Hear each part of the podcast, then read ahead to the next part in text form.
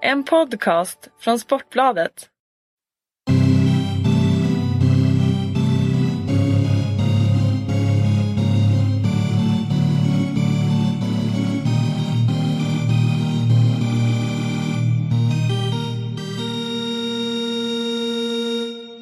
Hej och välkomna till eh, Hockeystudions eh, podd. Det här är avsnitt eh, nummer tre och idag har vi en mycket speciell gäst och jag tänker inte på dig Johan Garpenlöv. Nej tack, som vanligt. Vi har SHL-pampen, ja jag får kalla det för det, Jörgen Lindgren. Och det första jag måste berätta om dig Jörgen, det är att du har en otroligt häftig bakgrund. Du har varit elitseriedomare och du har varit i städbranschen. Vad har du mer haft för jobb innan du var i städbranschen? Oj, hur lång tid brukar vi sitta? Brukar, Ja, vi har fem minuter på oss på den här delen. Nej, men jag har en ganska brokig bakgrund utifrån från yrkeslivet. Eh, Tittar man tillbaka när jag var ung, eh, yngre ska jag säga, eh, så eh, hade jag en klar målsättning att bli sjukgymnast. Eh, men, men någonstans under resans gång så övergick den viljan i, in i säljledet. Så att jag har jobbat som bilsäljare, jag har jobbat som bartender, ansvarig för en krog, sjukvården, truckförare, Eh, sålt städmaskiner, sålt bilar igen. Och sen eh, har jag varit inne i hela eftermarknadsindustrin kan man säga med att sälja bilglas. Och nu är du alltså VD för SHL, eh, Svenska Hockeyligan kan man kalla det för. Ja, Jag måste fråga, alltså spelarkarriär har jag aldrig hört någonting om. Kan du berätta lite om den? ja absolut. Vi har fem minuter på den här delen också. Nej, men så jag tror jag sa alldeles nyss innan vi slog på mycket. Född och uppvuxen ute i Järna. Eh, började spela hockey och fotboll, handboll och basket till viss del. Från, från unga år då, 4, 5, 6 år där någonstans. Eh, så spelade jag fotboll och hockey hela vägen upp. Fram till jag var 16-17 där någonstans. Och så tog vi plugget lite överhand. Och sen hade pappa en, en gammal kompis som tyckte att han lägger inte av med det där med hockeyn utan du kan bara döma istället. Eh, och så gjorde jag det när jag var 17-18. Sen har spelarkarriären tagit fart igen då. Ja, jag hörde ju veteranhockey igår när jag höll på mässa med Jörgen här. Absolut, absolut. Träna två dagar i veckan när jag har ett möjlighet att träna två dagar i veckan. Så vi är ett kompisgäng som kör eh, veteranträningar två dagar i veckan och spelar lite matcher ute i Järna. Perfekta tider också. Ja, är kör, kör ni 22? tre mot tre i förlängningen också? Ja, de har ändrat, två mot två. Ja. Vi, vi har ingen förlängning, vi orkar inte förlängningen. Så. Men du Jörgen, det är ju fascinerande att ha det här. För att SHL har gjort en otrolig resa sedan du blev VD för SHL. För innan dess så var ju Peter Gudmundsson VD. Och SHL, eller Elitserien som det hette då, det hände ju ingenting. Det var i stort sett likadant hela tiden.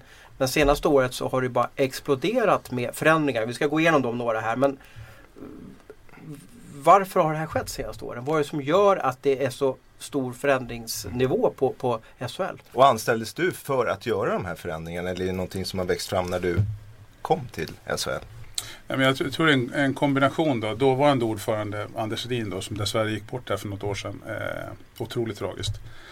Eh, ringde mig en söndagkväll och ställde frågan om jag var intresserad av att ta det här jobbet. Och jag jobbade på Hockeyförbundet som generalsekreterare på den tiden. Jag var min chef ett tag. Ja. Ja, det var jag faktiskt. Det stämmer ganska bra.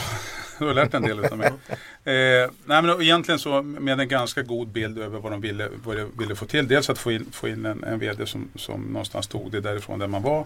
Men sen också utifrån en stor förändringstanke man hade. Samtidigt med det då, sen kan man säga så har vi jobbat vidare med den. Och det är ju egentligen ett jobb som startade för nästan två och ett halvt år sedan. Eh, otroligt eh, härligt att kunna få med oss alla klubbar och alla ägare i det här i den förändringsprocessen som vi har gått igenom.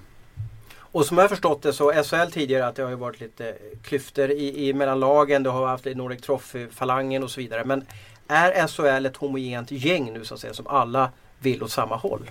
Ja men det tycker jag och det, det, det tycker jag någonstans tog ett riktigt avstamp här när vi startade det här förändringsarbetet. Att alla sattes ner runt samma bord och säger att ja, men det är hit vi ska och på det här sättet ska vi göra det. Och vart ska SHL nå någonstans? Vad är SHL om, om fyra år? Det är en bra fråga. Nu har vi gjort, precis som du sa, en hel del utav förändringarna. Både utökning av laget, nytt kvalificeringssystem, kvalificeringssystem med upp och nedflyttning. Vi tittar också över organisatoriska krav. Vi ställer ganska höga krav på de lagen som ska spela i, i, i SHL. Men det är också utifrån att kunna vara förberedd för den nivå man är. Så att nu någonstans så får vi se, vi går in i den här säsongen med att spela upp ytterligare lag så att nästa år ska vi vara 14 och så får man nog jobba ett par år för att se vart det tar vägen då. Men, men vi, är ju, vi har ju sagt och varit tydliga med att vi vill bygga en, långs, ha en långsiktighet i det vi gör. Vi vill bygga en trovärdig liga och vi vill verkligen göra skillnad på olika delar i det här. och dessutom försöka skapa en förutsättning för våra klubbar att kunna behålla våra spelare ytterligare några år och få hem spelare innan man avslutar karriären. Men kommer vi kunna ta upp kampen med KHL? För det är väl dit vi vill försöka nå lite? Eller ser vi oss som, som eh, tredje ligan i världen eller fjärde ligan i världen beroende på hur man rankar AHL? Nej, men det, och det, det, är en jättebra fråga. Man kan säga att för det första så kan vi säga att vi har ju över 40, nästan 45 spelare i AHL. Vi ligger plus 65 tror jag i NHL. Kan man ju fundera på, bara de här killarna som spelar i AHL där borta skulle naturligtvis göra en skillnad här hos oss se hur kan vi då, det gänget som är där, kan vi behålla dem på något sätt här ett eller två år längre? De här killarna som spelar i NHL, för vi ska inte ta bort den drömmen att man ska upp dit, för den ska alltid finnas. Men innan man avslutar karriären där, hur kan vi få hem dem?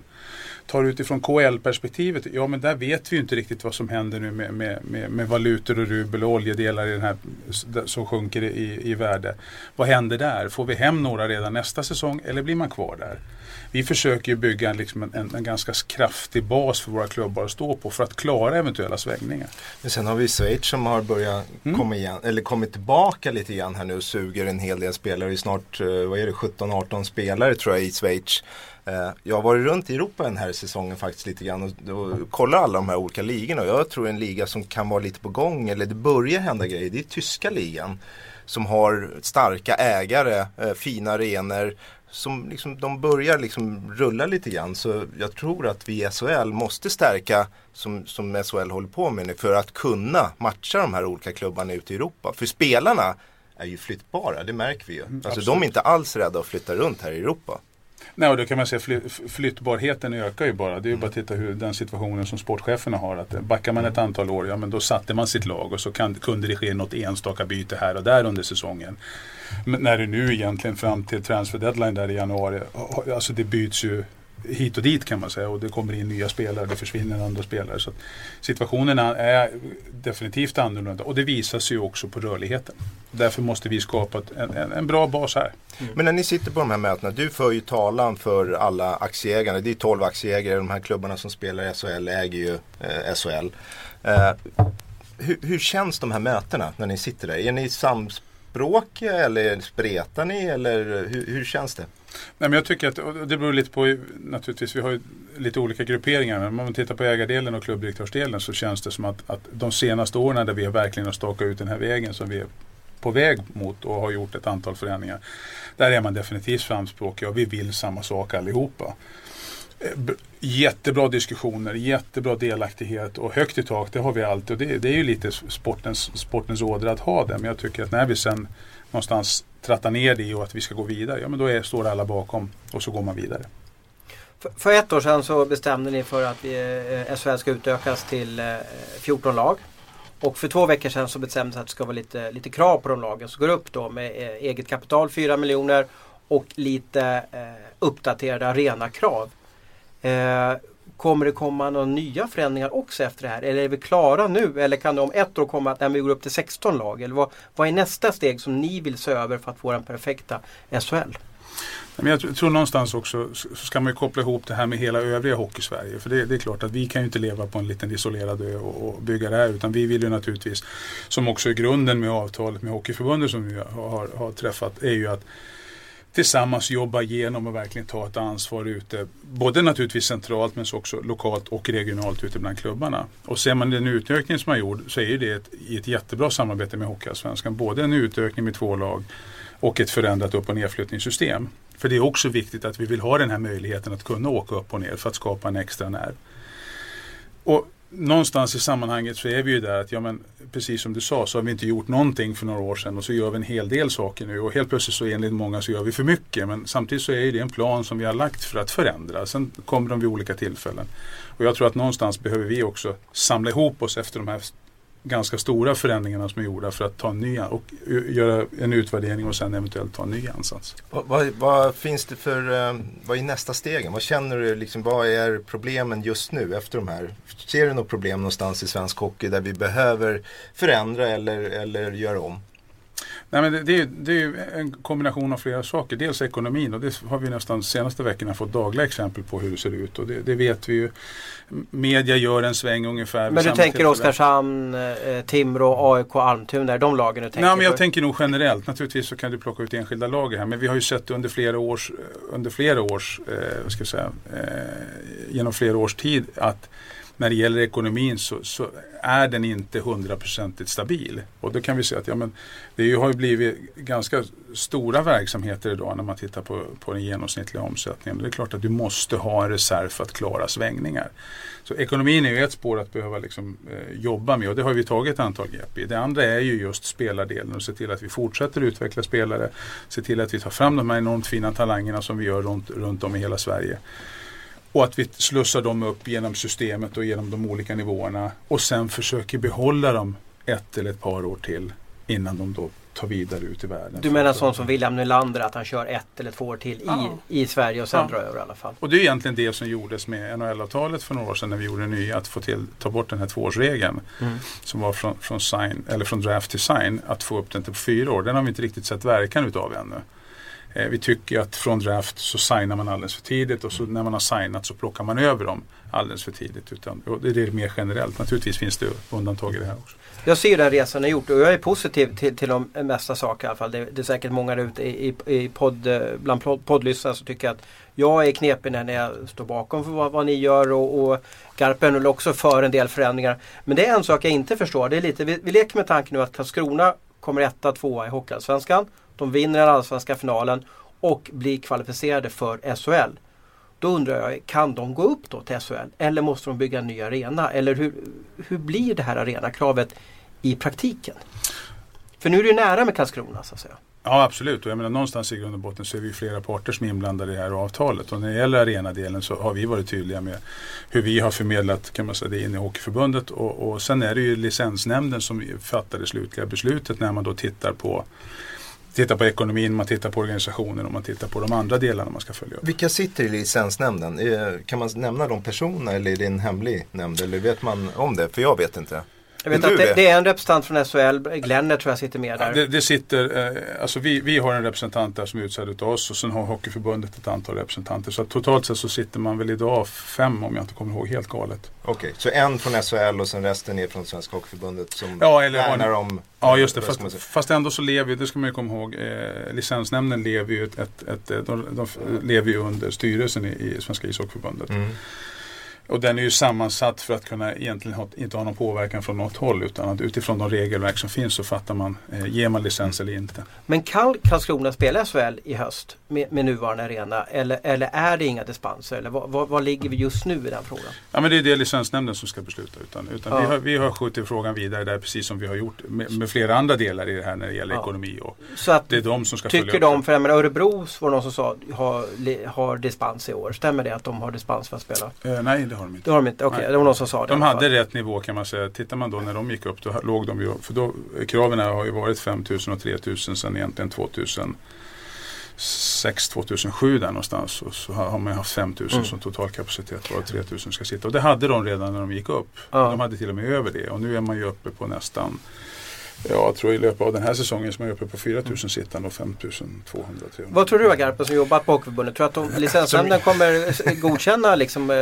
Karlskronas arena och så att de får spela eller, eller kommer man gå på den här liksom, hårda vägen att nej men det, det ska vara det här regelverket nu, punkt slut? Ja, jag jobbar inte på eh, Svenska Hockeyförbundet. Nej men du har gjort det tidigare ja, i alla fall. Nej men jag, jag, jag, jag, tror att de kommer godkänna det, absolut. Jag tror att de kommer begära en plan. Jag tror att de kommer bli tvungna att visa en, en realistisk plan för att de ska bygga ut sin arena. Men eh, självklart kom, om de kvalificerar sig sportsligt så kommer de få spela SHL nästa år. Det tror jag. Mm. Men jag har inget, igen, det är vad jag tror. Och har, samtidigt, eh, igen, ska man ha krav någonstans och de är tydliga. Nu har de här Men är det rätt att ge dispenser? Då kan ju de, de spela sin arena i fem år till och, och, och sådär. Och sen blir det ju inte SHL. Då har de en publik, publiksiffra på 2,9 och då är vi ju nere på Hockeyallsvensk nivå när det gäller SHL. Så att säga. Vi vill ha ett snitt på nästan 6000 i SHL. Det är ju roligt då. Absolut, men samtidigt, eller som jag, igen som jag säger, eh, kan de bevisa att de har en plan för det här? Eh, med kommunen att de vill bygga ut sin arena så ska de spela i SHL nästa år. Det tycker jag. Eh, sen kanske de åker ur efter första året och då är de ju tillbaka till allsvenska. Då kanske de inte behöver fullfölja sin plan. Men, men det här är en svår fråga Jörgen, ja, är det inte det? Vad tycker du? Alltså, Någonstans så måste vi finnas ja, krav ja, alltså man måste rent, leva, rent byggtek leva upp till. bygg, byggtekniskt blir det ju omöjligt för dem att bygga en ny arena till första september. Eller hur Jörgen? Det, det... Ja, alltså jag kan inte det. Men, men Nej, det är klart men det att, måste vara väldigt svårt att bygga en ny arena på några månader. Och det är därför jag tror att om man har en lite längre plan så kommer SHL godkänna det, eller licensnämnden godkänna det om man kan visa en tydlig plan. Ja. Med kommunen. Fast det säger lite emot det, det ni har sagt att det inte ska vara några dispenser. Nej, men jag, jag, tror i grund och botten så måste man, måste man se hur, hur är tågordningen i det här. Jo, vi har förhandlat tillsammans med Hockeyförbundet kring ett avtal som, som, där det här är en del utav väldigt många delar. Sen har den här fått extremt fokus. Och det finns väl anledningar till det också naturligtvis. Men samtidigt så är det ju licensnämnden som ska följa upp det här och, och de, de hittills har de gjort ett fantastiskt jobb eh, genom alla år och bevilja, bevilja spellicenser eller, eller gör att du har hamnat i något kontrollår eller man haft ett antal frågeområden som man får, som klubb varit tvungen att komma tillbaka och svara på. Så jag är trygg i att de gör sitt jobb. Definitivt, för det har de gjort hittills och de har ett tydligt regelverk att jobba efter. Om Karlskrona tar sig upp via, eh, via det som sker på isen, får de spela SHL nästa år då? Då kommer jag tillbaka till det jag sa alldeles nyss. Det är licensnämnden som, som beslutar hur det ser ut utifrån det regelverket de har. Och jag, tror att, jag tror att man måste se det igen, det är en helhet och det är klart att det går att spetsa till det enskilda, alltså enskilda delar i det här. Men, men det är licensnämnden som följer upp det och det är de som kommer jobba utifrån det regelverket man har. Spännande. och det, är alltså det är alltså 15 april som de har ett möte om jag är rätt underrättad. Det är då de fattar beslut om de lagen som har gått upp eh, får spela i SHL. Då, så, att säga. så det blir ju intressant att se vad de kommer fram. Och jag mm. tror också Garpen så att säga att jag tror inte man stoppar ett lag Nej. som har gjort sig eh, rättvisa på isen att, att gå vidare i alla fall. Det, här kommer ju, vi kommer ju väldigt lätt in på det här att, att du får stå i fokus för allt det här Jörgen. Eh, mm. Man läser på sociala medier vad som skrivs och så vidare. Så att säga. Och jag fattar inte hur du orkar så att säga, vara den här liksom, budbäraren av den här informationen som många uppfattar vill förstöra för svensk hockey. Ja, nej men det, det du har ju säkert tagit till dig av massa mejl och samtal. Ja, nej, men det är klart det kommer mejl. sen så ska man, I grund och botten ska man ju komma ihåg att, att, att det är klart att i, i, i, en förändringsprocess och framförallt den vi är inne i och den vi har jobbat med under flera år så är det klart att vi Eftersom vi har jobbat med den under så lång tid så vet vi ju delar i, i det här som kanske då inte är officiella eh, förrän vi går ut och berättar. Vi har ju valt den, den, den strategin att vi jobbar färdigt och sen berättar vi att nu är det här klart och sen så gör vi på det här sättet.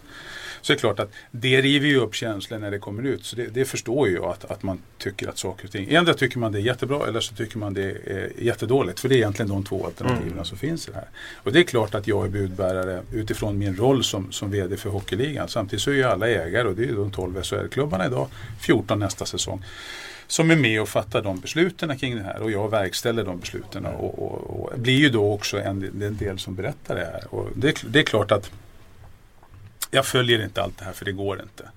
Hur gör du för att skydda dig själv så att säga?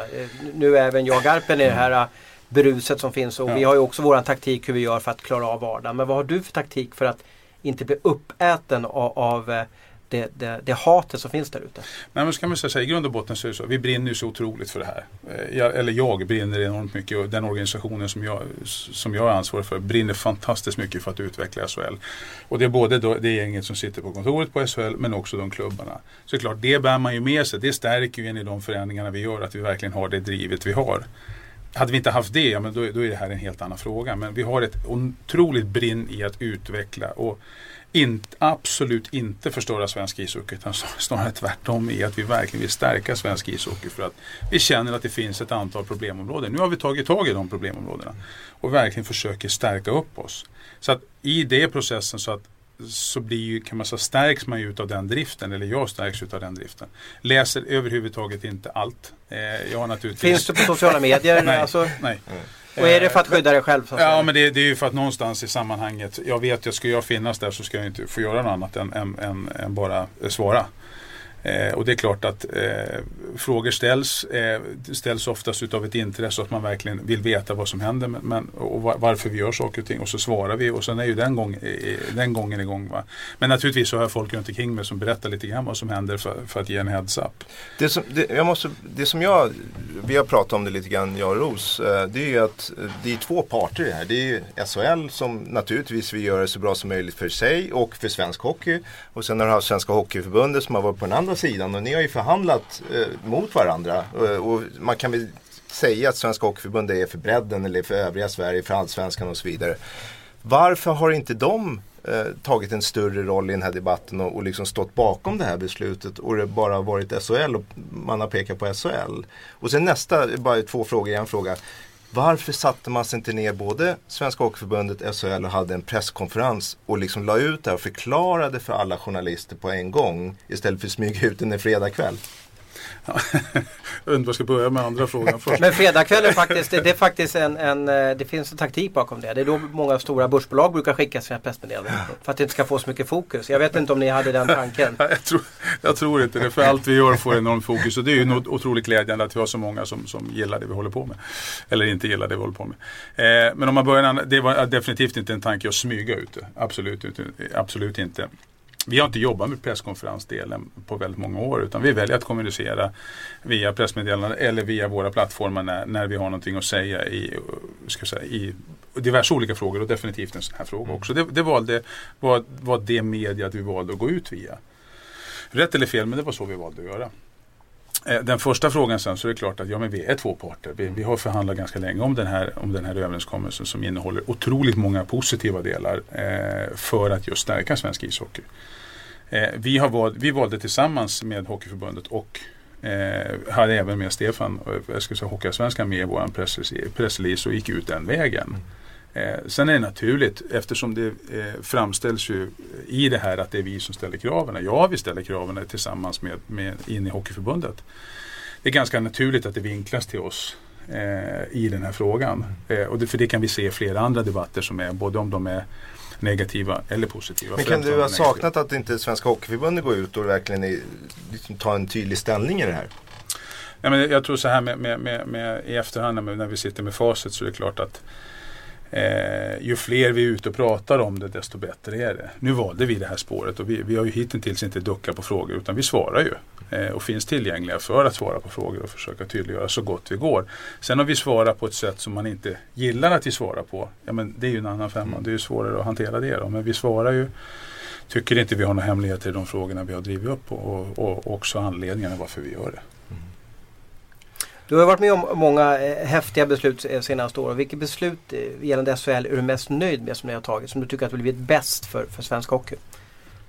Jag tycker nog att, att, eh, att eh, det totala i, i det förändringsarbete vi startade för två, eh, nästan två och ett halvt år sedan utifrån den här förändringsresan. Det är nog bland det bästa hur menar du då? Jag... Den totala, Nej, men den totala utifrån att börja med SHL. Alltså ett nytt namn, eh, nya regler, nya direktiv, nya krav, nya förväntningar och sen kan man säga det utökningen. Alltså hela det paketet som vi, som vi började jobba med för bra precis nästan två och ett halvt år sedan. Så det är helheten som du mest Det är helheten, den tycker jag ja, definitivt är det, är det bästa vi totalt sett har gjort. Och vad är du minst nöjd med? Vad du tycker att mm, det där skulle vi gjort annorlunda? Ja, kanske inte så mycket det vi skulle ha gjort annorlunda men, men i princip eh, när hela vårt förhandlingsdokument landade i en annan tidning. Mm. Det var väl inte speciellt... Eh... Hur gick det där till? Vet du? Jättebra fråga, jag vet faktiskt inte. Jag har inte valt att forska i det heller. Så att... Fast det gjorde ju att det vart eh, att ni drog i handbromsen och, och, och gjorde om hela arbetet.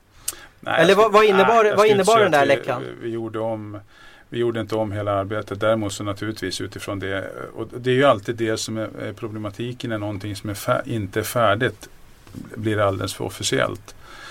Eh, och jag tror jag har sagt det, jag vet inte hur många hundra gånger, en bruttolista. Mm. Och det var precis det det var. Eh, och, och, eh, någonstans så blir det inte, det blir inte bra för det vinklar som man valde att plocka ut några enskilda områden i det här. Vi hade wildcards-delen och vi hade några andra delar som man valde att, att tokvinkla på. Och det är klart att då tapp, tappas ju liksom fokus på alla andra frågor. Men, men det valde, vi, vi tog hem det igen och eftersom vi inte var färdiga så fortsatte vi jobba med dem och gjorde ett antal justeringar. Får jag fråga, eh, bara några snabba. Mm. Eh, mm. offentliga löner, för eller emot? Ska du ha snabba svar eller ska du Nej, ha men, långa eh, svar? Ja, snabba svar blir, Ja. ju bäst. Ja, Ja. jag vet, nej, nej, jag hörde, han sa ja. Nej, det, jag tror inte jag sa det. Nej. Eh, eh, Jag menar, jag, jag, I flera av delarna och flera delar utav det här jobbet vi gör så finns det ju olika parametrar som jag tror faktiskt att vi behöver bli lite bättre på. Och, och om det är offentliga löner eller vad det är. Jag menar, tittar du runt idag så spekuleras det ju hej vilt idag. Och det finns, man, man sitter och tittar i taxeringskalender och man är inne på ditten och datten. Tidningar eller, eller olika medier gör olika analyser och sätter upp en lönelista. Så det där är ju ute och snurrar redan idag på ett eller annat sätt. Rätt eller fel kan man säga, de siffrorna som står där. Men, men det kräver ju en, en, ett antal arbeten i det här för att komma dit hän.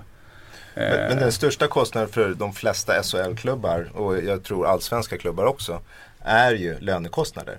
Ja, det är absolut den ensk- enskilt största investeringen. Och där vet ju självklart sin egen klubb om man lägger ner. Men Ja. man har ingen aning vad de andra Nej. Betalar. Och jag jobbar ju i Djurgården ett tag och just det här med värva spelare. Och det, där är man ute på en väldigt tunn is i och med att man inte vet vad spelaren får någon annanstans. Agenterna äger den marknaden. Men, men diskuterar ni i, eh, alltså offentliga löner? Är det en fråga ens för er? Alltså, Ja, men det diskuteras olika delar i att just utifrån, om man, tittar man på spelarlönsdelen så är ju det den största kostnaden för enskilda klubbar. Det är ju det att hur kan vi hantera den framöver? På vilket sätt kan man ta en kontroll som klubb i de här delarna för att verkligen säkerställa att vi betalar rätt individer rätt pengar.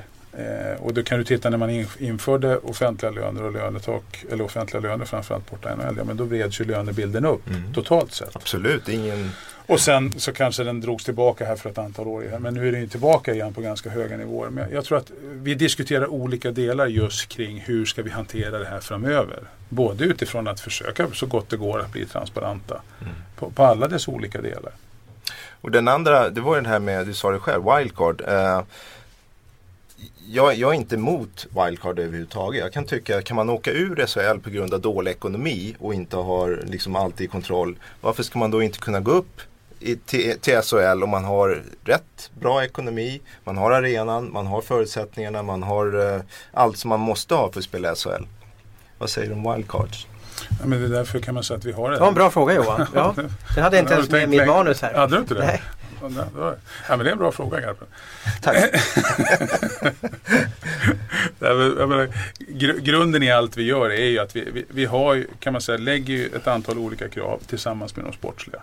Och det, det är så svensk idrott fungerar idag. Att, att, och har fungerat en tid och kommer antal att fungera ett antal år framöver också. I att du ska ha den sportsliga delen och du ska ha de andra bitarna på plats också.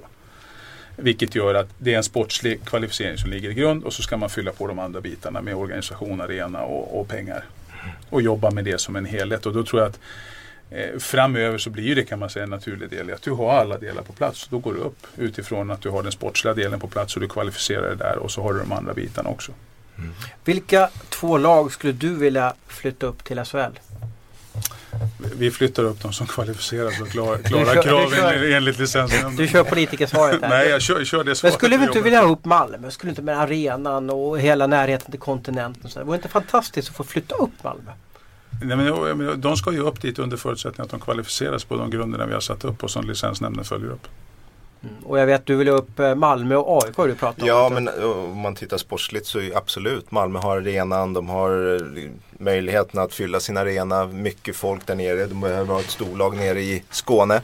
Och sen har vi AIK-derbyna. Ja, men måste ha de här pusharna, de här matcherna som, som höjer hela den här långa eh, vad ska man, Transportsträckan. grundserien, transportsträckan. Ja, precis. Så du måste få in de där matcherna lite här och där för att liksom piffa upp allting. Och då skulle jag gärna vilja se AIK i SHL. Just nu är AIK en bit ifrån SHL kan Ja. jag berätta i alla fall. Då. Men vi ska kika på SHL nästa år. Och då, då gör vi ett nytt avstamp mot, eh, mot en, en, eh, hur framtidens liga kommer se ut. Vi har 14 lag. Vi har 52 omgångar har ni berättat, Jörgen. Eh, det gör att det blir mer harmoni i spelschemat. Man möter eh, alla lag lika många gånger hemma och borta. Men sen finns det ju många frågor kvar. Hur ska vi göra den mest fantastiska SHL? Jag tänker på hur ska slutspelet se ut? Kommer vi ha play-in? Hur många lag kommer hamna i någon typ av nedflyttningsspel? Hur går diskussionerna här? Vad har ni för tankar? Hur, hur ska den perfekta ligan se ut nästa år?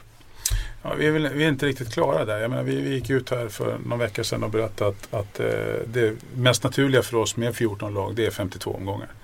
Och det ska bli otroligt, eh, otroligt intressant att se verkligen med 14 lag och hur, hur, hur eh, hur det slut, man kan säga, hur säsongen förlöper både utifrån ett publikintresse och hockeymässigt och matcher och sådär som egentligen är grunden i allting. Otroligt intressant att följa det. Den andra delen är ju med 52 omgångar är precis just som du säger att få en harmoni med att man möter. Det är inte 27 eller 28 hemmamatcher utan nu vet man nu har man, nu har man det här gänget hemmamatcher och man möter alla lika många gånger. Eh, Skapar en betydligt mer, bättre harmoni i det här. Och sen vet vi ju lag 13 och 14 då Alltså nästa säsong, nästa, ja, nästa säsong, det är de som spelar bäst utav sju neråt. Direktkvalet neråt. Direktkvalet. Så det, det, det, det strecket är klart så att säga. Det strecket Men är sen klart. övriga streck kan ni leka och göra precis som ni vill med. Är det korrekt Ja, uppfattat? det stämmer. Och jag menar någonstans där är inte vi färdiga utan det håller vi på att titta på. Vi håller på att titta på spelschemat. Vi processar det nu internt för nästa säsong. Och det kommer vi offentliggöra där i slutet på april, början på maj. Och någonstans Mm. där tror jag att vi är färdiga också med egentligen setupen med de olika strecken.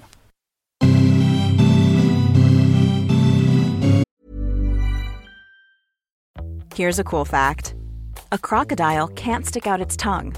Another cool fact you can get short term health insurance for a month or just under a year in some states. United Healthcare short term insurance plans are designed for people who are between jobs, coming off their parents' plan, or turning a side hustle into a full time gig.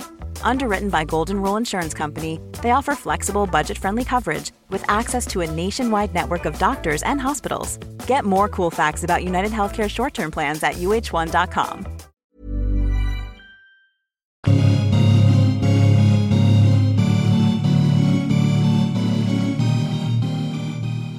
Och du är inne på Garpen, du vill ha bort det här socialslutspelet. Att, att, Ja. inte, att inte resten av 12 lagen då har chans att vinna guld. Absolut. Och Vad skulle du sätta liksom Åtta slutspelsstrecket? lag.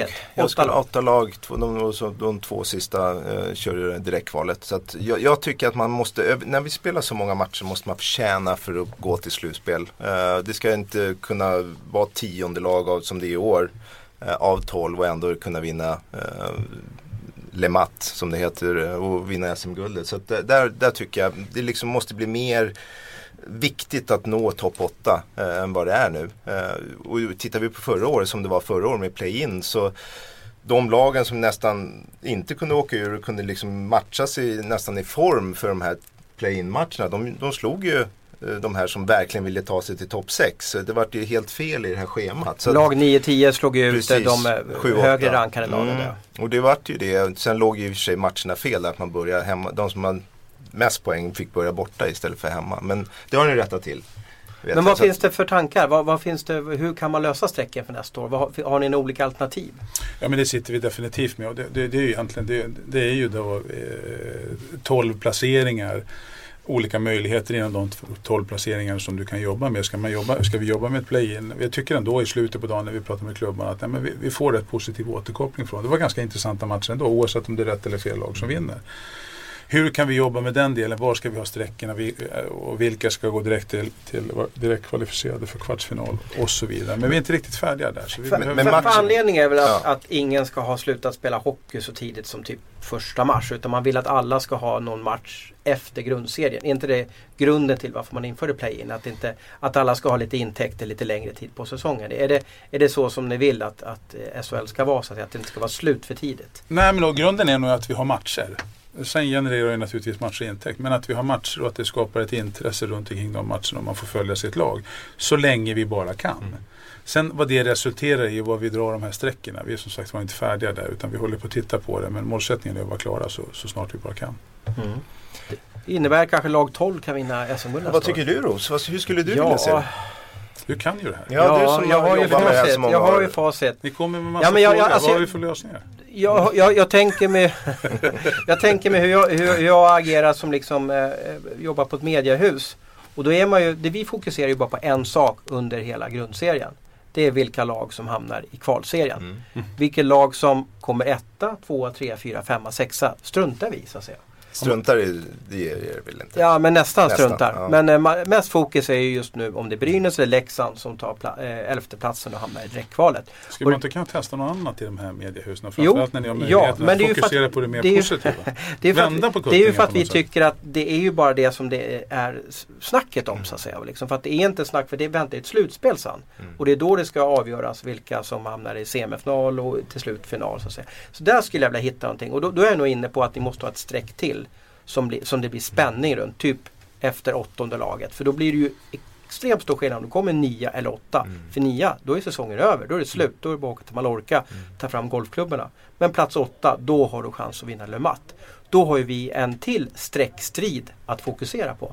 Och det har vi egentligen inte idag. För att skillnaden mellan plats 6 och 7 som är play-in-strecket. Det är ju inte så spännande egentligen för alla har ju möjlighet att gå vidare så att säga. Men om då, då följer Garpens teori utifrån att det var fel lag som vann då eller, eller de här alltså längre ner i tabellen som gick vidare. Mm. Då är ju ändå det att han var sjua eller sexa hade ju en viss betydelse då redan i fjol. Ja, och då var det ju viktigt att komma eh, tyvärr eh, längre ner i ranken. Men, men då är man ju det, inte det var för att få, få börja hemma då. Men, ja, det, Men, Det har ni men det är själva Ja. grejen. Jag tycker man spelar så pass många matcher som man gör. Mm. man, alltså, det är ju ändå 55 omgångar man spelar och Mm. då, då kan man inte få komma 10 och 12 lag och ändå ha chans att vinna. För mig blir det fel. Jag tycker att man måste förtjäna under alla de här omgångarna att komma till slutspel. Och nu, nu handlar ju allt om att eh, för de här lagen egentligen att inte hamna i kvar, de här sista platserna. Det är det det handlar Det är det strecket som är det absolut viktigaste just nu under de här 55 omgångarna. Sen förstår jag att det är bättre att vara etta än att vara en tia. Men, men det, är, det, det är det strecket som gäller nu. Och, och det tycker jag är lite synd. För jag, jag tycker det ska vara det, det måste vara viktigare att gå till slutspel un, och- under de här 55 omgångarna än vad det är nu. Och, och, alltså, Samtidigt tror jag, jag tror otroligt många lag, just med kanske utgången av i fjol då, så är det fler som kämpar för att komma upp på sjätteplatsen idag. Och det var ju det som var nackdelen förra året. För de kämpade så mycket så att när väl de slängdes in i den här bästa tre, då var de helt slut. Och då hade du ett, ett, ett lag som hade fokuserat på det här över tid. Så att det blev, och, och då på två matcher, när man har spelat 55 omgångar, så är utslagna fast man egentligen liksom var, var bättre över 52 omgångar. Så det, för mig blir det, blir det fel. Men jag bestämmer, sitter Nej, ju om, inte någon på må- slutet. nej, om någon månad så har ju, har ju ni bestämt det Jörgen. Men, är, men är, är SHL klara nu med förändringsprocessen? Eller kommer det etapp 4, 5 snart? Och vad, vad kommer de etapperna fokusera på i då fall? Jag, jag tror att i, i slutet på dagen så tror jag aldrig man blir klar. Eh, det kan vi nog eh, någonstans... Och vilken eh, del är det som ni vill tänka på nu så att säga? liksom? Nej, men jag tror någonstans kan vi få den här stabiliteten som utifrån eh, att vi har klubbar som är starka både organisatoriskt och ekonomiskt och att vi har bra spelartrupper och att vi någonstans jobbar med sporten och utvecklingen utav den och tabelldelen och dra de här sträckorna där de ska vara. Och skapa en, en intressant och en dynamisk serie både från att, att för er i media att följa så att vi börjar fokusera på, på den övre delen i tabellen och inte bara den undre delen i tabellen. Likväl också fans ute i arenorna, likväl alla andra olika former av intressenter i det här så, så är det ju att jobba och utveckla den. Det är också att titta på den här utökningen som vi gör nu och verkligen eh, utvärdera den och tänka till på att eh, blev det här rätt och blev det som vi tänkte? Och så får man någonstans eh, fundera sen, vad tar vi i nästa steg? Men det, det är lite, jag tror att vi behöver någonstans titta över det vi har gjort och verkligen samla upp. För när vi börjar, börjar någonstans summera och göra en punktlista av alla förändringar vi har gjort så har vi gjort ganska mycket. Och Det har varit mycket vid sidan om. Vad tycker du om spelet på isen den här säsongen? Jag tycker att, att eh, intressant med, med om man börjar med de regelförändringarna som infördes utifrån hybridicingen som stoppades in och även de större ytterzonerna så var det väl det som egentligen har gått enklast eller lätt, bäst och enklast det är ju hybridicingen, implementering utav den och där tycker jag man kan se ganska så tidigt men framförallt nu att lagen spelar på den eller med den på ett annat sätt än vad man någonsin har gjort förut. Så att Jättebra den, förändring. den fyller det här syftet som, som det var att sätt, säga, få en bättre fart i matcherna, mer, mer flyt i matcherna. Eh, och så har vi haft duktiga domare som har kunnat anpassa sig och vi har haft duktiga lag som också kunnat anpassa sig till den. Ytterzonerna så var det mycket surr om i början, är det här verkligen rätt? Och det är stora hav och allt möjligt, alla olika kommentarer som kom. Jag tycker ändå det blir bättre och bättre också om man lär sig spela med det. Eh, och så får vi utveckla det vidare också för där, där blev det ju en total europeisk lösning eftersom eh, det, eh, ska säga, förändringen drogs igenom över hela Europa. Mm. Men jag tycker inte utifrån det, negativa som var i början när vi gjorde det så tycker jag att det har slagit över lite grann och blivit mer positivt i samband med allt annat. Men, men tycker, du att matcherna, tycker du matcherna är liksom, om du går och sätter dig på match på HV, tycker du att du får valuta för pengarna när du ser spelet på isen? Jag tycker att vi får det, absolut. Eh, Och, och sen beror det på, eh, som med allt annat, det är en sport, det är två lag som möts. Vissa har en bättre dag, vissa har en sämre dag. Men jag, jag ser ju ma- matcher väldigt ofta eh, och jag tycker att det är bra, bra underhållning. Sen naturligtvis så finns det väl matcher som, som är mindre bra där också. Det, det ska vi inte sticka stå, under stol med. Men jag tycker att, att lägsta nivån är betydligt mycket bättre. Skulle, tror du lagen skulle spela ut mer och bjuda på sig själv om det var eh, som det kommer bli i framtiden ännu svårare att åka ur? Tror att hockeyn som produkt blir roligare då om det är eh, på gränsen till en stängd liga? Att man vågar chansa med, att man vågar gå på något sätt mer. Ja, nummer ett ska vi bara tydliggöra att stängd liga pratar vi överhuvudtaget inte om utan vi har ju ett öppet system med upp och nedflyttningssystem. Eh, men eh, så kan man ju fundera på, ja eh, är, släpper man bromsen mer? Vi kan ju titta utifrån, du kan göra jämförelse med Finland. Där har man ju då, eh, vi har ju sett nu innan transfer deadline gick, gick ut så, så man, har du lag som då ser att man inte går vidare, ja men då bör man skicka spelare till höger TPS vänster. där ibland. Eh, och Det kan man ju fundera på, är det verkligen bra? Är det verkligen sportsligt mot alla, inbla- andra, alla andra inblandade lag? Nej det är det ju inte. Du menar att vi kan hamna i samma sits i Sverige? Ja, jag tycker att därför är det viktigt att ha kan man säga den här eh, bästa sju-formatet som vi har nu och att det finns en upp och nedflyttning för att hela tiden skapa den här nerven och att ja, alltså, ja vi kan åka ur vilket gör att vi måste liksom hålla ihop bitarna och verkligen spela vår bästa hockey. Men Alltså, ja, igen, ska du få en roligare hockey, så jag tjatar om det här, då, då måste du gynna de skickliga spelarna. Och då kommer alla vara tvungna att spela på det sättet. Och då är måste vi bedömningarna bli spelförstörande moment på domarna. Det, det är A och O. Det finns inga andra genvägar. För stängd liga kommer du fortfarande ha lag som, Ja. som spelar i defensiva för det är enklare och, Ja. och stänga och haka och hå- hålla i. Det är liksom, du måste gå den vägen. Det är där du får den roliga hockeyn. Men är det för mycket spelförstörande moment? Jag tycker det. Jag tycker att... eh, Men det har Garpen alltså, tjatat om i fyra Ja, men jag, tid. jag ja. gör det hela tiden. Men det, du behöver inte vara... Sätt dig bara och titta mellan skillnaden mellan NHL bara för att göra spelförstörande moment och, och SHL. Jag säger inte att vi ska bli NHL men just bedömningen är ju jättestor. Jag saknar ju tacklingar, att det inte smäller vid sargen. Alltså jag vill ju ha Ja, riktigt men det är, ju- tuffa då, då har tacklingar. för stor rink här. Det blir för långa åksträck. Men vad, vad saknar du då? Men vad, de är ju vill, vad, vill du, som hinner åka dit. men vad vill du se mer av då? Nej, men vi vill ju ha intensiteten, för det är hela, alltså hela, vårt, hela vår sport bygger på intensitet, tuffhet, snabbhet, eh, skicklighet. Och det tycker jag att utifrån att, att jag menar, jag tycker vi har väldigt många lag och väldigt många hockeyspelare som verkligen har det. Sen ska ju det där sättas ihop och det ska någonstans också utifrån de rättsskiparna som finns med domarna se till att man liksom driver igenom en bra match tillsammans och verkligen skapar den underhållningen som vi vill. Jag tycker vi, jag tycker vi har bra matcher idag. Jag har sett väldigt mycket matcher de senaste åren. Jag tycker med de här förändringarna vi gör. Sen kan vi alltid bli bättre på vissa delar med spelförstörande och så vidare. Men, men, men totalt sett så tycker jag att vi spelar en bra hockey. Eh, ni båda två har ju varit aktiva i förbundet. Du har varit generalsekreterare och du har varit team manager Garpen. Mm. I, I söndags kväll här så skulle ju Simon Hjalmarsson åka hem eh, till Moskva. Mm. Men blev stoppad för att han hade druckit öl och eh, sömntabletter. Vad säger ni om det här? Ja, jag tycker det är tragiskt för Simon att, att han inte blir, eller att han är så pass påverkad av någonting, om det nu är öl och i kombinationen med sömntabletter, att han inte kommer på planet. Det, det tycker jag är lite eh, tråkigt, synd, tragiskt för honom. Eh, jag har svårt att se att man kan liksom skylla över den eh, händelsen på Tre Kronor. Jag menar, de har släppt iväg en spelare som ska åka hem till sitt lag. Det är inte Tre Kronors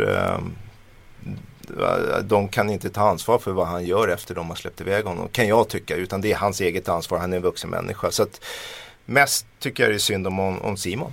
Mm. Om du hade varit generalsekreterare idag Jörgen, hur har du tagit hand om den där situationen?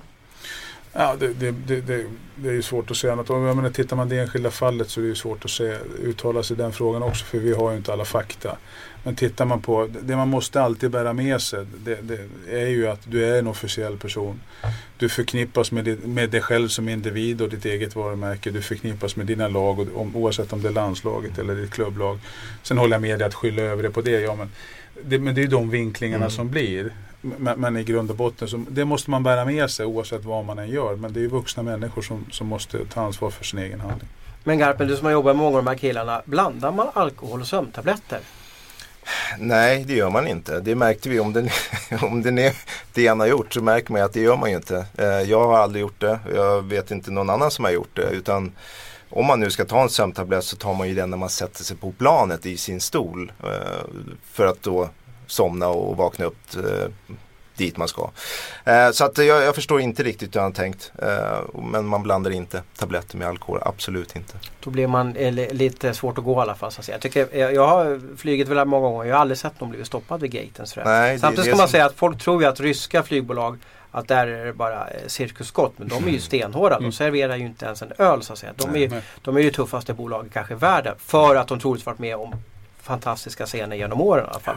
Och det är ju ett försvar mot Simon. Sen tror jag att han har fått det största straffet själv och blivit, blivit uthängd sådär mm. i, i media också. Mm. Där, där folk tycker att vilken, vilken dåre som, som blandar sömntabletter och eh, alkohol. För det, det vet ju de flesta, det står, står varningstrianglar. Gör inte sådär i alla fall. Då. vad, vad, vad säger man vid nästa samling? Kommer grabbarna tråka honom då? Eller hur, hur blir effekten? Ja, alltså, killarna kommer nog inte ta det så allvarligt, det tror jag inte. Utan det blir nog mer skämt. Det är han själv som får lida med det och leva med det här resten mm. av sitt liv. Det är det som är, som Jörgen var inne på, hans eget varumärke får ju en riktig törn här. Uh, och, och, igen, det är synd om han. Mm.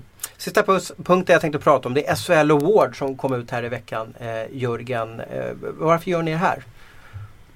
Nej, men vi har ju känt eh, under, under, under flera år och det, det, ligger också kan man säga som en del i hela det förändringsarbetet vi har gjort. Att vi, vi, vi har fantastiska spelare, vi har fantastiska ledare. Eh, generellt så är vi för dåliga, eh, och då kan vi prata generellt i Sverige, på att hylla och verkligen lyfta fram talanger och lyfta fram prestationer.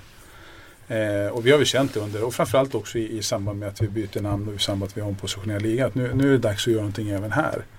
Och vi tycker att vi försöker renodla det med att sätt att, att eh, begränsa antalet priser. Vi är väldigt tydliga vad priserna gäller och på vilket sätt det ska, eh, man ska hyllas. Och så skapa ett tillfälle där vi verkligen gör det här. Och så gör vi det i, i en lite mindre skala tillsammans med vår samarbetspartner Simor.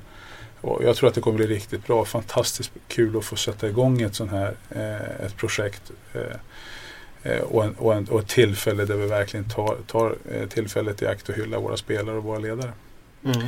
Fanns det all, eh, jag tycker det är jättebra initiativ, mm. det ska vara. Eh, men det här med damer, fanns det någon gång under resan någon, något samtal med, med damerna? Att få in dem i den här? Ja, vi, vi, har väl sett utifrån det perspektivet att vi, vi, när det gäller våran SHL Award så gör vi den för SHL och de, de, de lagarna som spelar i SHL. Sen finns det naturligtvis att, att bredda det här och göra en, en, en komplett gala för ishockeyn eller någon komplett awards för hela ishockeyn. Då ska man ju ta, naturligtvis ta in alla berörda parter. Och, och, och men vi kände att vi, vi gör den till att börja med för SHL och de klubbarna som spelar i SHL. Det är därför vi har kallat den SHL Awards också. Men sen, sen får man ju se var det här tar vägen. Mm. Eh, om, om det blir en helhets eh, kan säga, awards eller en helhetsgala för ishockeyn, ja då, då ska naturligtvis alla parter in. Själv. Jag tycker tidpunkten är svår. Så att säga. När mm. ska man sända den här galan? Mm. För att, för att eh, nu är det 27 april, eller slutet av april i alla mm. fall. Och då kan ju många av spelarna ha åkt hem. De kan ha åkt iväg på sin Mallorca-resa. Några mm. laddar för VM. Det är det som är svårigheten med, med en hockeygala eller ceremoni eller award om man kallar det för att tidpunkten är omöjlig. Och egentligen så vill man ju ha Henrik Lundqvist och Erik Karlsson på en röd matta. Mm. Men då ska man ha den augusti kanske. Mm. Nej, och, det, och det är det egentligen som, jag menar, det, det är klart att vi har diskuterat eh, eh, alltså både Hockey SHL och eh, eh, Hockeyförbundet och Hockeyallsvenskan om att göra en, en totalhet då, eh, och SIF då för, för, för bredden och naturligtvis också damerna självklart. Och Hockeyallsvenskan för Hockeyallsvenskan och oss, vi för SHL för att se hur ska vi kunna, skulle man kunna göra en setup och det, det är ju diskuterat under väldigt många år. Men egentligen det man kommer tillbaka till är utifrån pengamässigt eh, och eh, alltså investeringen i det för att göra det om det ska vara stor. Och det andra är när ska den genomföras och utifrån det hur, vilken, ska vi göra det för, för Sverige och Europa eller ska vi plocka med alla? Ja men då är det som du säger. Ändå så är vi inne i juni om vi ska få, få med allihopa från, från Nordamerika. Eller så är man inne i augusti och sen har alltså det blir jättesvårt att planera. Vi har ju valt att lägga den där på första måndagen efter efter sista, sista finalen. finalen. Och går, går det till sju så, så, så, så spelas ju den på lördagen och så har vi då 27 på måndagen. Mm. Vi har valt det för det är ju också innan spelarna åker till, till VM. Så får vi, får vi med det gänget och vi får med förhoppningsvis så många som möjligt. Innan man då gör sommar utifrån de europeiska spelarna och dessutom då de som åker iväg på VM. Därför har vi valt det datumet. Men är det klart att det inte blir några tjejer med i, i det här awards eller, eller kan ni tänka om där så att säga att ja, men vi tar med några tjejpriser också eller, eller är, det, är det helt klart med SHL bara? ta med några tjejpriser, det lät ju nästan konstigt. Nej men i grund och botten, jag tror man måste komma, jag tror vi ska vara tydliga med att säga vad är det vi gör? Jo vi gör en, en awards för SHL och då är det våra 12 klubbar och spelarna kring dem. Sen, sen, tror jag att för att ta det här vidare då, då får vi se någonstans tänka till på vad, hur blir det här när vi väl gör den. Hur blev det? Hur togs den emot? Och, och vad tycker vi var bra? Vad tycker vi var mindre bra? Och sen se hur kan man utveckla den i övrigt. Eh, men vi gör den för SHL och för de klubbarna där kring. Och sen får man se om man gör en större sen med alla, alla inblandade parter. Mm. Har du tänkt på en sak Jörgen? Allt som, som man berättar utåt eller, eller, eller som SHL står för blir ofta snack om. Så att säga. Jag, jag, ska, jag, jag tycker jag, jag, blir så trött på det. Så att säga. Hur alla ska ha synpunkter på ja, varför gör ni inte så? Varför gör ni inte så? så? Vad, vad, säger du när du kommer hem till frugan? Så att säga? Blir inte på? Ja idag så sa de så här. Ja jag blir så matt. Så att säga, liksom. Det bästa är att, att hon är totalt ointresserad utav ishockey. Det är så otroligt skönt. Sen har jag två döttrar som är fantastiskt intresserade utav hockey. Men, men, men eh, det är klart att någon... Men känner du inte när du sitter i soffan enstaka, där Vid något enstaka tillfälle. Vad ska jag göra? Vad ska jag göra? vid något enstaka tillfälle man kunnat känna att... Ja, vad, vad är ditt stora intresse vid sidan om det här? vid sidan av, av, av hockeyn och det ja, du håller på med? Det, det, här är ju nästan inget, det ju, har ju nästan gått så, eller nästan, det är nästan, ja det är så. Ja, det är ju inget jobb, det är ett liv där. Det blir ju så. Vi, vi, är ju vi är igång hela dagarna och sen är det matcher och så är det igång hela Men det är ju ett fantastiskt Eh, ja, som jag sa tidigare så brinner jag enormt mycket för det här och, och det är det som driver den i, i förändringen också. Men sen när du ser, ser till det privata så är det ju definitivt familjen och ta hand om dem vid dem. Nej, jag, är, alltså, jag flänger och far rätt mycket så att vi hem, tiden har, hemma har du kvar båten? Du har ju en båt. jag har kvar båten och den ligger på land ja. och så ska vi sjösätta den förhoppningsvis i maj. Det, det, och det, det är en otrolig ventil. Det är en otrolig ventil. Tillsammans med de här små tillfällena när vi får åka ut och leva veteranhockey. Mm. Men är det där på båten som du sitter och knäcker idéerna? Ja men vi upp med 14 lag och nu ska vi ha arenakrav eller? Eller vad, vad har du din oas där du kommer på framtiden? Uppe på flybridgen, sitter där och kollar ner på alla. Jag har ingen flya, det, det, funkar inte. Jag är inte riktigt sån. Det, det är inget, ingenting för mig. Nej men det är vid olika tillfällen. Det, det pågår ju processer hela tiden här. Eh, utifrån, och det, det, alltså det, vi är ju fler inblandade i de här processerna för att kunna driva de här framåt. Men vi har en vilja att driva och i och med att man har den viljan att driva och förändra så kommer det ju också tankar och idéer. De, kom, de kommer ju hur som. Mm. Men det är ju ingenting vi snyter ur näven bara här och så ändrar vi. Utan vi har ju ganska långa processer innan vi väl kommer till att ändra för att verkligen tänka igenom dem. Att gör vi den här förändringen, vad händer då? Så konsekvensutsätta. Och, och, det är väl också någonting man behöver tänka till på i framtiden, alla förändringar. Eftersom det får det genomslaget det får. Att, att konsekvensutsätta mer också. Mm. Bra tugg. Har ja. Jörgen någon fråga till, till Garpen eller till mig? Nu sitter vi bara och pepprar dig. Har du någonting som du vill eh, skjuta tillbaka med? Jo. Den är svår att ta på uppstuds sådär men du har en möjlighet Nej, nu, i tio sekunder till. Jag vet inte varför Garfen börjar skruva på sig och torka sig i pannan riktigt. jag tror att han tyckte det var jobbigt det där med Tre Kronor och Simon Hjalmarsson.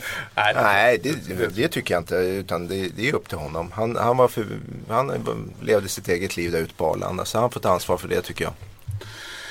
Nej men Garpen kan jag tycka, det, det kan man ju Eh, jag tycker han håller igång och, och ser pigg och fräsch ut. Jag såg, på isen där vid tillfälle, han har lite skills kvar. Det sitter, Just långt, det, sitter, sitter långt inne men det finns lite skills kvar. Var, var var det någonstans då? Nej, men Champions Hockey League-finalen var Jaha. Jörgen där och scoutade mig.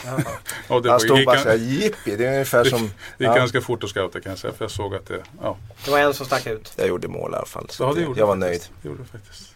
Nej men sen utifrån, det är inte alla gånger man får komma så här och sitta ner öga mot öga med med, med Rosen i det fallet. Och jag tycker att du, du, säger nästan det själv tidigare utifrån att man fokuserar på, på den nedre delen. Och man, mm. man... Vi får ju kritik för det. Ja, och jag, jag, ja, och jag tror att någonstans i grund, i slutet på dagen så ska man naturligtvis fokusera på den nedre delen också för det, det föder ett intresse att läsa. Mm. Men jag tror att gemensamt utifrån att hockey naturligtvis, vi i SHL, eh, Hockeyallsvenskan som vi har ett kanonsamarbete med. SIF som vi har ett bra samarbete med. Vi har ett jätteansvar att bygga ishockeyn. Men, jag, men jag är helt övertygad om att man har också ett ansvar media, alltså utifrån mediaperspektivet att verkligen bygga och skapa ett intresse och vilja följa. Både att läsa, läsa era tidningar och läsa på nätet och lyssna på poddar och allt vad det nu månde vara som är en fantastisk tillgång att verkligen nå ut.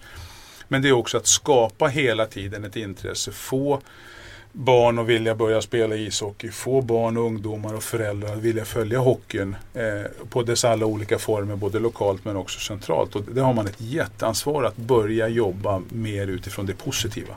Mm. Ty men tycker du att alla tidningar eh, jobbar utifrån det negativa? Jag skulle inte säga alla, men det, det, är lätt, väldigt, väldigt lätt och det kan vi ju se utifrån de här förändringsprocesserna som vi har hållit på med den senaste tiden. Så kan man säga att det är väldigt lätt att, att, att köra in på ett spår och så vinklar man det väldigt, väldigt hårt. Och jag, jag, kan förstå på ett sätt att man gör det, men jag kan också förstå jag skulle också önska att man liksom tittade på helheten här och såg flera delar. Vi ska kritiskt granskas sju dagar i veckan, 24 timmar om dygnet. Det är inte det jag säger. Men jag tror att man behöver jobba med den positiva för att också skapa ett intresse i att man ska vilja handla en biljett till matchen. Man ska vilja klicka på, på artikeln som ni skriver för att mm. läsa vad som står där. Man ska vilja, vilja sätta sina barn i att börja spela ishockey. För det är ju våran överlevnad alltså, som sport totalt, både vi och alla andra sporter. Att man verkligen skapar ett intresse i att börja spela och börja följa. Så att, att säga att alla gör det, det är fel att säga. Men jag tror att man behöver jobba med den positiviteten. Sen vet vi, förstår jag också att det är rubriker som säljer. Det, det det ska vinklas och det, jag förstår att det mm. säljer men jag tror att det andra skulle sälja också. Men det är också under grundserien så blir det ju fokus på, på vilka lag som hamnar i kvalserie mm. eller direktkvalet. Men sen när slutspelet börjar då är det ju bara vinnarna som det fokuseras på. Och det är ja. ju faktiskt under två månaders tid som slutspelet pågår. Men då mönstrar ni upp definitivt, det håller jag med om. Ja. Men under, under grundserien är det lite svårt alltså att äga igång med, med Skellefteå nu som tokdominerar SHL. Det är lite svårt att okej, okay, de, är, de är bäst i serien. Och då är det lättare att fokusera på just kampen. Mm. Streckkampen, mm. skräckstriden mellan Leksand och Brynäs. Det blir ju mer spännande tycker jag. Men, ja, eller så börjar du plocka ut, alltså som, som, som en motdel, vi ska, naturligtvis, ni jobbar ju som ni vill i det sammanhanget, men som en motdel istället, om du nu ser utifrån Skellefteå-perspektivet att ni, gör, ni gör, tycker att de är så dominerande. Ja, men plocka ut enskilda spelare då och jobba med dem som, som en del i det hela. I hela det här profileringsarbetet som vi försöker komma igenom all, allihopa i den djungeln. Fast tycker du klubbarna gör det tillräckligt bra? För jag kan tycka att, att klubbarna, de jobbar ju med egen media, de har egna hemsidor. Ja, det har de. Men trycker de ut sina profiler, sina bästa spelare så att vi får eh, så vi kan skriva om de här. Alltså man kan inte, tycker jag, förlita sig på att de stora kvällstidningarna ska profilera en Djurgårdsspelare. Utan det måste Djurgården göra. Ja, ja, absolut. Och det var inte riktigt det jag menade heller. För det, det är klart att det, det, är klart att klubbarna, det, det, måste ju klubbarna och vi naturligtvis som liga plocka fram och jobba mm. med. Och jag tycker att vi, vi kommer dit hen också. Vi börjar bli bättre på att plocka av ha schyssta bilder, börja jobba ut med det, plocka av hjälm och någonstans visualisera ansikten. Alltifrån mediakuber till, till alla, ska säga, alla plattformar vi finns på med, med hemsidor eller med, med, Instagram eller Facebook eller vad det är. Utifrån att verkligen plocka fram ett ansikte och jobba med profilen, visa statistik, vad är man duktig på, de här hemma hos-reportagerna som finns som, som klubbarna jobbar mer och mer. Och jag tycker man kan se en fantastisk aktivitet hos klubbarna utifrån att försöka göra annorlunda saker. Inte bara i samband med hockeyn och matchen. För det är så naturligt, där ska vi finnas. Men försöka hitta andra mm. tillfällen. Det vet jag, det är, det är flera utav er som gör det också. Att man gör reportage hemma hos någon. Och det vet vi, det får ju läsa. Mm. Det får ju skapa ett naturligtvis stort intresse i att då får man veta lite mer om den här individen. Naturligtvis statistiken. Och, och sen, sen är det ju, och jag var ju själv en sån, men liksom spelarna själva måste ju börja sälja sig själv. Alltså mm. man måste ju liksom se helheten på ett helt annat mm. sätt. Jag var inte sån, men, men nu när man är på den här sidan så måste liksom, någonstans måste klubbarna försöka undervisa sina mm. hockeyspelare i så här fungerar media, det här vill de ha de måste bjuda på sig själva. Mm. Och det tycker inte jag de gör nu. Utan, samtidigt som tränarna också är dåliga på det här att man, de får frågan vilka, vilka var bra idag? Ja, alla är lika viktiga. Mm. Alla var bra. Mm. Alla hit och alla Jag är nöjd med kollektivet. Jag är nöjd med kollektivet. Ja, det, han gör det ju rätt utifrån sin sida men samtidigt måste han också förstå helheten. att Absolut han måste ju trycka ut deras bästa spelare hela. Ja, han var bra, han är vår viktigaste spelare. Han, mm. De måste ju få de här franchise players som, som vi kan skriva om. Mm. Nej, men det, det är ett jobb som du aldrig kan bli tillräckligt duktig på. Men mm. någonstans måste du börja. Jag tycker vi har börjat men vi kan definitivt bli bättre på det. Lyfta ut det. Det har du helt rätt i. Vi blir långrandiga nu men det, mm. vi ska ja. avsluta då. Men det är en sak jag har faktiskt ingen aning om dig Jörgen. Det är, vad hade du för favoritlag i hockey när du var liten? Det där är en snygg vinkling. Ja. Jag brukar faktiskt göra så. På all, eftersom jag är ute och ser extremt många, många matcher eh, så, så håller jag alltid på hemmalaget. Okej, okay. men du är född i Järna och närheten Södertälje? Född och uppvuxen i Järna så mitt favorit, favoritlag då var Järna SK som jag spelade. Eller Järna IK förlåt, Järna SK var fotbollen. Järna IK. Idag är det nog eh, Jag skulle säga att det är JSK Veteraner som är JSK. Veteraner. Skulle du kunna ha ett SHL-lag som ditt favoritlag i ditt jobb som du har nu? Skulle du våga gå ut med det? Det, jag har inte tänkt så långt. Jag har inget favoritlag så jag ska inte tänkt så långt. När ska du gå ut att du är djurgårdare då Garpen? Ja, undrar om jag är djurgårdare. Vänta, jag ska tänka Jag får fundera, är det Ja, Djurgården? Ja, Eh, nej, jag, jag trivs också. nej, jag, jag säger JSKs Veteraner så har jag gjort det. Det var bra. Då kanske vi får upp dem i elitserien om några år. Eller SHL om några år i alla fall. Jag kan säga, vi hade träningen igår. Det, det är ganska långt ifrån att vara i någon division överhuvudtaget. Men vi har fantastiskt roligt. Ett otroligt härligt gäng. Är det uterink gärna? Nej, nej, nej, inne? nej det, det, är halsen. Jag var faktiskt där. Då jobbade jag på förbundet. Så jag var där och invigde eh, hallen. Okej. Det kommer jag inte ihåg när det var. Men det är, det är några år sedan. Fin organisation. Från när jag var liten så var det, var det lag i alla dess åldrar. Och sen så eh, tynade det av och var väldigt få lag. Men nu är man tillbaka och har lag i väldigt många ålderskategorier. Och har, har ett A-lag och ett juniorlag. Så att, eh, och ett veteranlag. Grymt snack och, och eh, kul att ha det här Jörgen. Och, Mm. eh, vem tar vi nästa vecka då Garpen då? Sitter jag på Lidström eller vem ska vi ta då? då? Ja, kanske. Han var ju på Nyström nu. Vi kanske får skjuta upp Lidström. Ja precis. Ja. Ja, vi får jaga vidare i alla fall. Ja. Men vi avrundar podden idag och eh, ha det bra där ute.